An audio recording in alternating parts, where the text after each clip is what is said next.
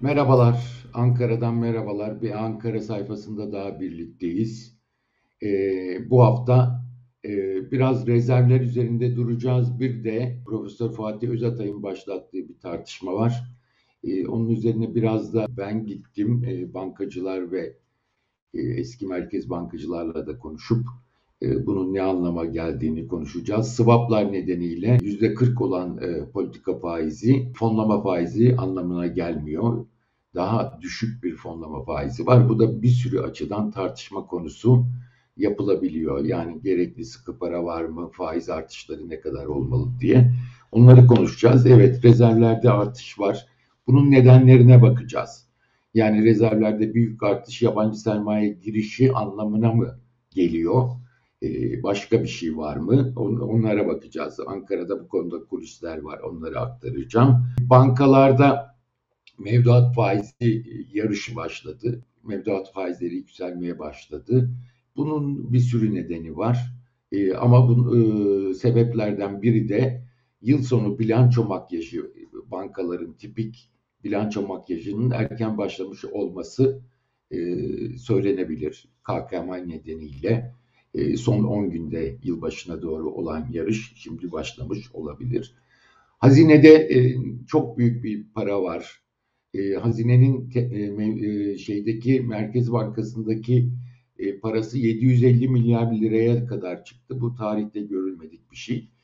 Ve bu neden yapılıyor? Niye bu kadar fazla para tutuluyor? E, onu konuşacağız. E, ve son olarak da e, bir miktar TÜSİAD'ın Ankara'daki Yüksek İstişare Kurulu toplantısını ve burada verdikleri mesajları e, konuşmak istiyorum en son olarak.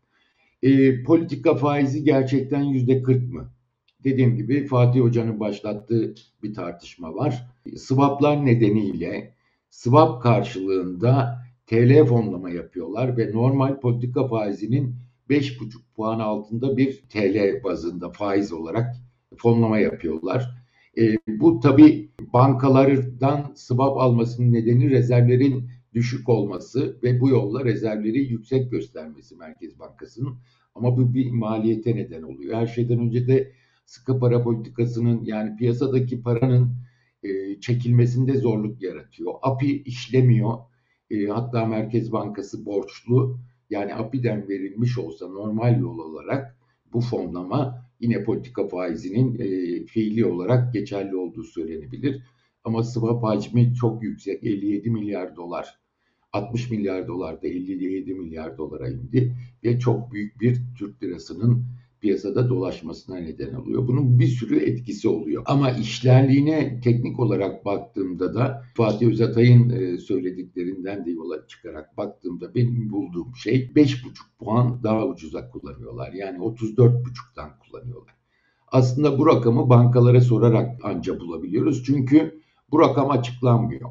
Burada başka bir e, şey daha var. Bankalara yapılan bir kıyak daha var e, döviz hesabını Merkez Bankası'nda tutsunlar diye. O da politika kararlarından önce, politika faizi kararları verilmeden önce swap ihaleleri açılıyor ve çok yüklü swap ihaleleri oluyor. Ne oluyor? Yani 35 iken mesela politika faizi bir swap ihalesi açtığınız zaman 35 eksi 5,5 olarak işliyor. Dolayısıyla e, bu swaplar en çok 3 ay olabiliyormuş. E, ama ortalama vadesini de bilmiyoruz. Yapılan ihalelerde hem fiyatı bilmiyoruz hem de ortalama e, vadeyi bilmiyoruz. E, bu yüzden de tahminlerle yola çıkarak, teker teker konuşarak çıkmaya başlıyoruz. 3 aylık bir vadede e, düşünsenize her ay faiz artışı devam ettiğini düşünün. Çok daha avantajlı bir konuma geliyor. Yani 5,5 puan değil daha da aşağıda bir fonlama faizine kavuşmuş oluyor bankalar. Dolayısıyla e, fiili olarak politika faizinin yüzde 40 olarak uygulandığını söylemek yanlış. Peki niye 5,5 puan? E, bankacılara sorduğumuzda e, döviz e, faizinin e, normalde 5 olduğunu, yüzde 5 olduğunu yani bankalar dövizlerini dışarıda tutarsa buna yüzde 5 faiz alacaklarını söylüyorlar. Bunun üzerine bir yarım puan da e, prim gibi veriliyormuş ve e, fiili olarak şu andaki şey e, değişiyor bu tabii ihaleler sonucunda. E, 5,5 puanlık bir avantaj sağlıyor diyorlar. Peki bankacılara sorduğumda bankalar dışarıdan dövizi kaçla borçlanıyor dediğimde bir yıllık olarak yüzde yedi buçuktan borçlanıyorlar. Şu andaki faiz oranı bu. Yani yüzde yedi buçuktan borçlanıp da bunu yüzde beş varsayarak e, Merkez Bankası'na vermek karlı değil bankalar için.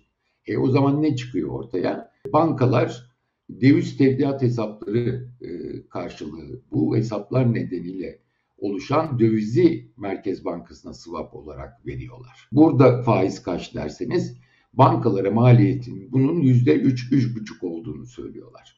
Halbuki e, biliyoruz ki vadesiz döviz hesabı çok ya da e, döviz hesapları vadeli olsa bile e, faizleri çok düşük. Belli ki üzerinden komisyon filan aldığı için Merkez Bankası maliyetler yüzde üç, üç buçuğa geliyor. Dolayısıyla yüzde üç, üç buçuk maliyeti döviz bazında olan dövizi götürüp Merkez Bankası'na vererek beş buçuk puanlık bir avantaj sağlıyorlar. Yani bu ne demek? Kendi döviz hesaplarını veriyorlar ama e, işte ihracat için e, başka şeylerle döviz e, kredisi için tuttukları dövizi de dışarıdan borçlanıyorlar ve onun üzerine vererek yapıyorlar. Dolayısıyla bankalara önemli bir kıyak ama bunun maliyeti nereden çıkıyor? Yine olduğu gibi geniş Merkez Bankası'ndan, hazineden çıkıyor bunların maliyeti.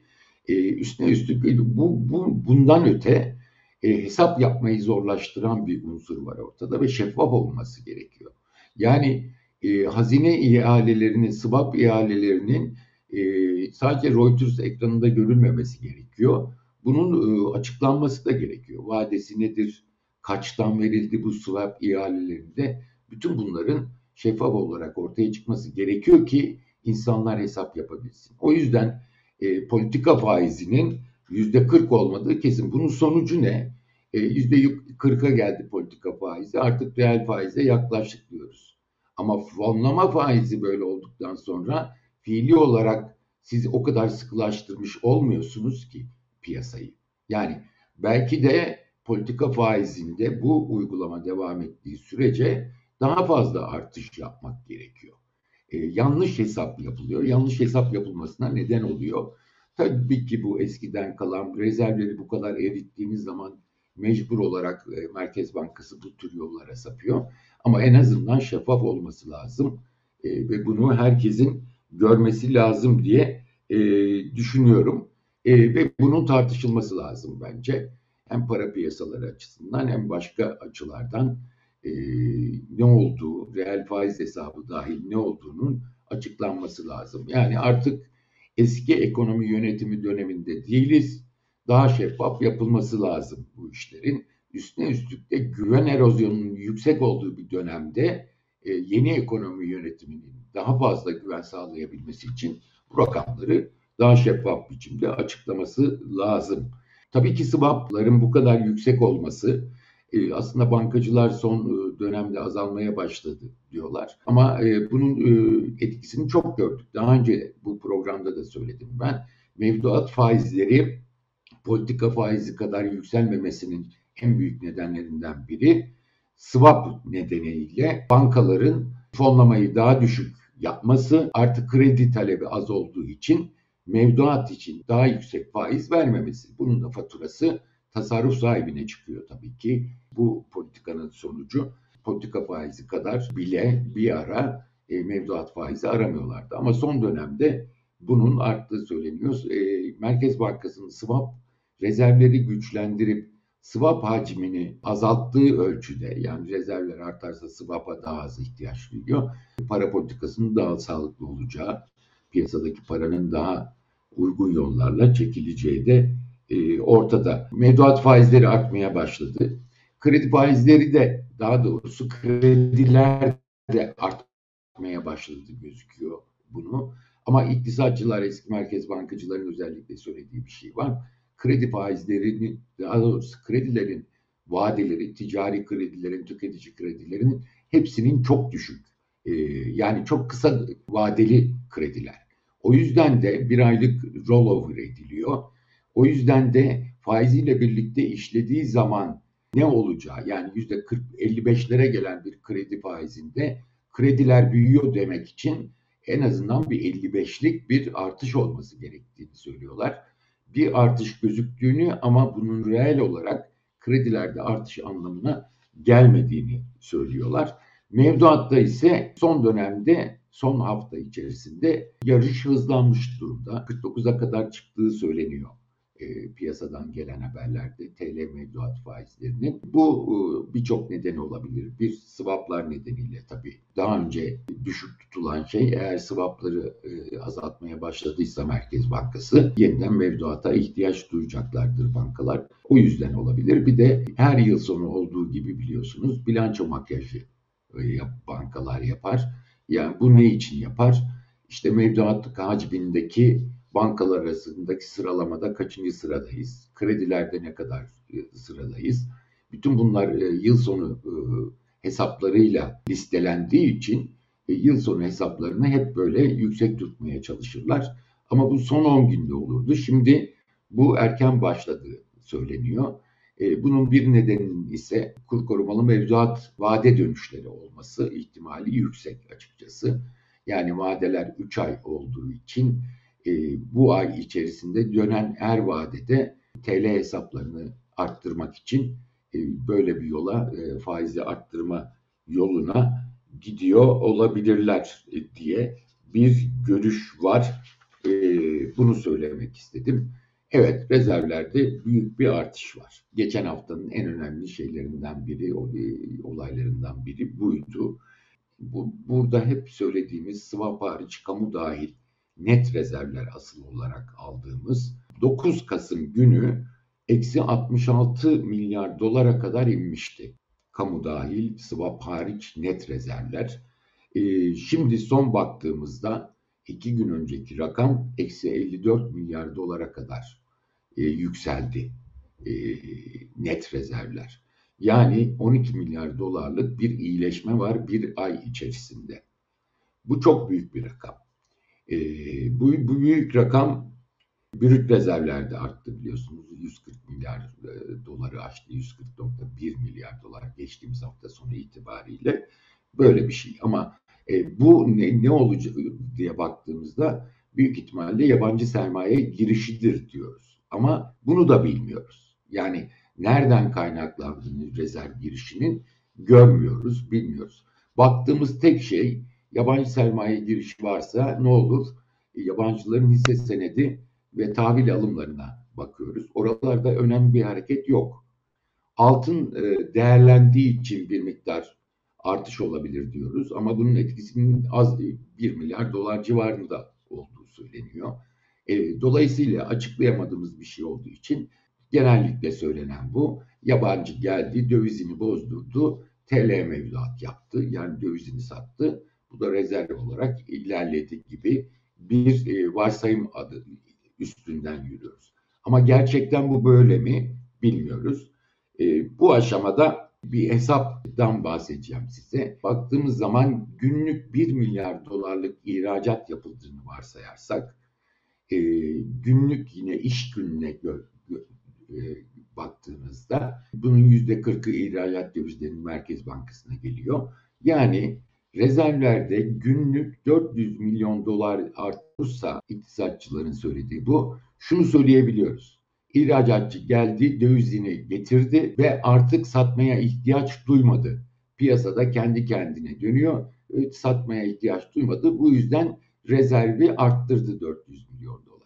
Ama son bir aya baktığımızda yine günlük ortalama artış günlük 750 milyon dolara çıkmış durum. Yani 400 artı 350 bütün ihracat dövizi gelip Merkez Bankası'nda kalsa bile artı 350 milyon dolarlık bir günlük giriş var. Bunlar kaba hesaplar tabii ama bir, bir şeyi bulmaya çalışırken üzerinden gittiğimiz, araştırdığımız şeyler günlük 350 milyon dolar ihracat dövizi girişine ek olursa bir de bu şunu unutmayalım Kasım ayı cari açığın olduğu bir ay. Kasım Aralık ayları. Yani Ekim'de artık cari fazla e, dönemi bitti. Kasım'da Aralık'ta böyle. E, baktığımız zaman o zaman e, bir giriş var. Ama ne, nereden gidiş var? İşte senedi tahvil alımları bunu karşılamıyor. E, bu noktada bir süredir Ankara'da söylenen e, bir e, yani kulis bilgilerini hatırladım e, açıkçası ve biraz baktığımda bunun olabileceği de söyleniyor. Bir yabancı girişi var ama bu bıyıklı girişim. Yani e, birileri dövizini geri mi getiriyor? Ankara'daki söylenti ise e, bu bıyıkların bayağı kalın bıyıklı olduğu e, söyleniyor. Çünkü bir iktidar tarafından yurt dışında parası olanların bu paralarını ama yabana atılacak bir söylenti olmadığını düşünüyorum. Açıkçası e, parasını getirmesi, getirilmesini istedikleri kişilerin de e, iktidara çok yakın hatta politikacılar bile olduğu bile söyleniyor ve e, bu, bunun için belirli rakamlar konuşuluyor toplamda ne kadarlık bir rakam getirilmesini istendiği ve bunun bir bölümünün son e, dönemde, son 15 gün içerisinde özellikle artık getirilmeye başlandığı da söyleniyor. Yani yabancı sermaye girişi var ama bu kimin yabancı sermayesi e, bilinmiyor. E, geçtiğimiz Mayıs seçimleri öncesinde de bu tür e, söylentiler vardı. Ama yine Ankara'da yoğun biçimde konuşulan bir konu olduğunu söylemeliyiz. E, bu kadar rezerv artışının bir nedeni de e, çıkarılan e, paraların e, iktidarın istemesi üzerine tekrar geri istenmesi e, olabilir. E, çünkü e, bunu biz yabancı sermaye girişini diğer e, kalemlerde göremiyoruz açıkçası. Hazinenin Merkez Bankası'ndaki parası 750 milyar TL'ye çıktı. Bunun da üzerinde durmak gerekiyor bence. Bu olmadık bir rakam şimdiye kadar. Rekor bir artış. E, bunu niye yapıyor hazine? Bu kadar mevduatı niye tutuyor diye baktığımızda birkaç neden akla geliyor. Birincisi bu swaplar içinde söz ettiğimiz piyasada fazla paranın kalması e, hikayesi var.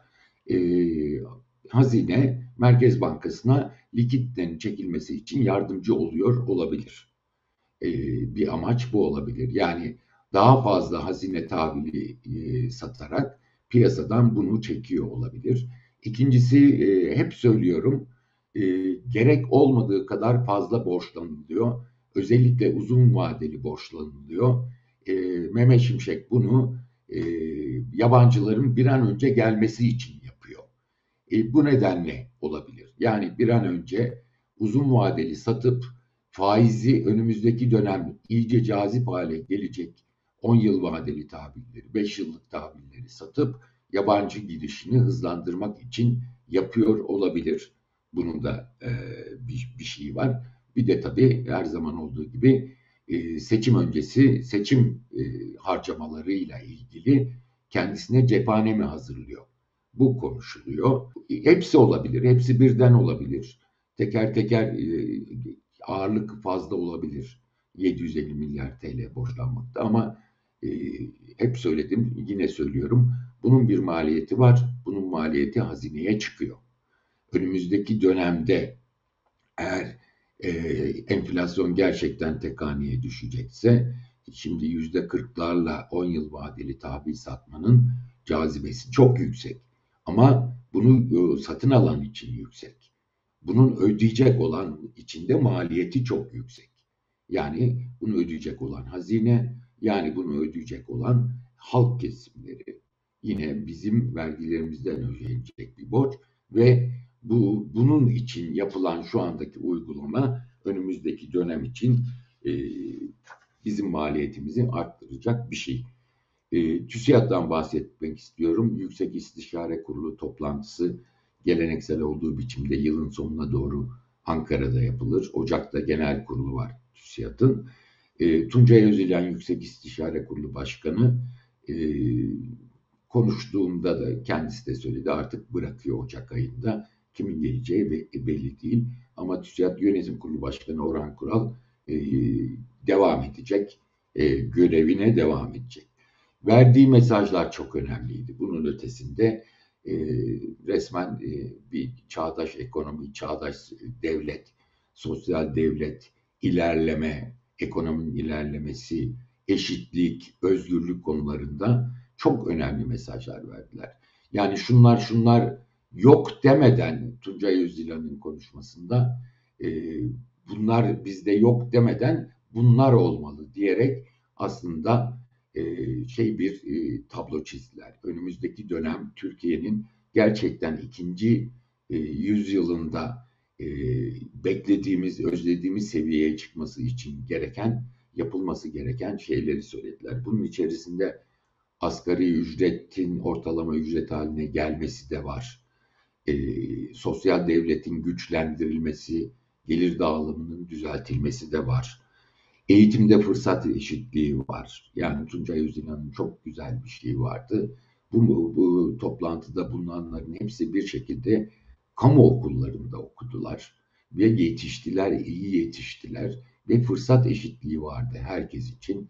Ama şimdi aileler e, çocuklarının eğitim e, rekabeti için e, bütçelerinin büyük kısmını e, özel okullar için ayırıyorlar ve bu, sürdürülemez bir şey.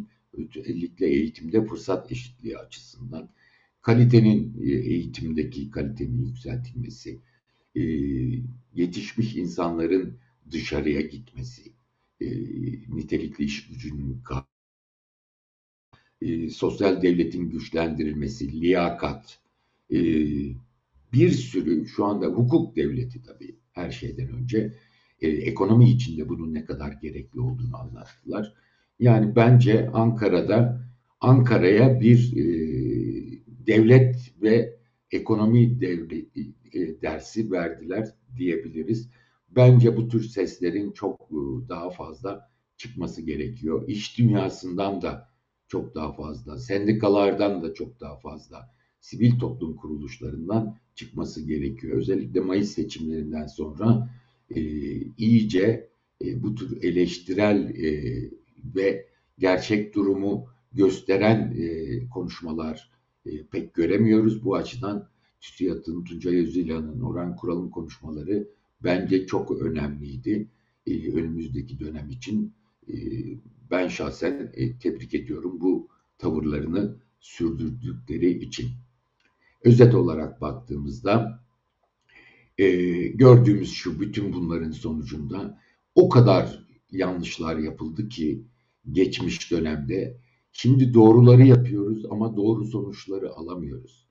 Her seferinde yaptığımız şeyin olumlu şeylerin olumlu etkilerini göremiyoruz. Swap'ta olduğu gibi e, rezervler nedeniyle e, faizlerde olduğu gibi her seferinde geçmişte yapılan hataların bir uzantısı engel olarak karşımıza çıkıyor. Bu da işimizin ne kadar zor olduğunu açıkçası e, gösteren şeylerden biri. Yani işte yabancı sermaye geldi, işler tamam artık düzeldi diye yabancı sermayenin geldiğini söylüyoruz.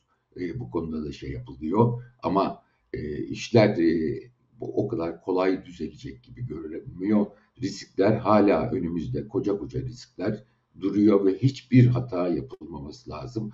Sadece ekonomide değil, siyasette, dış politikada hiçbir hataya tahammülü yok. E, yoksa iki adım attık bunlar hemen geri gelebilir.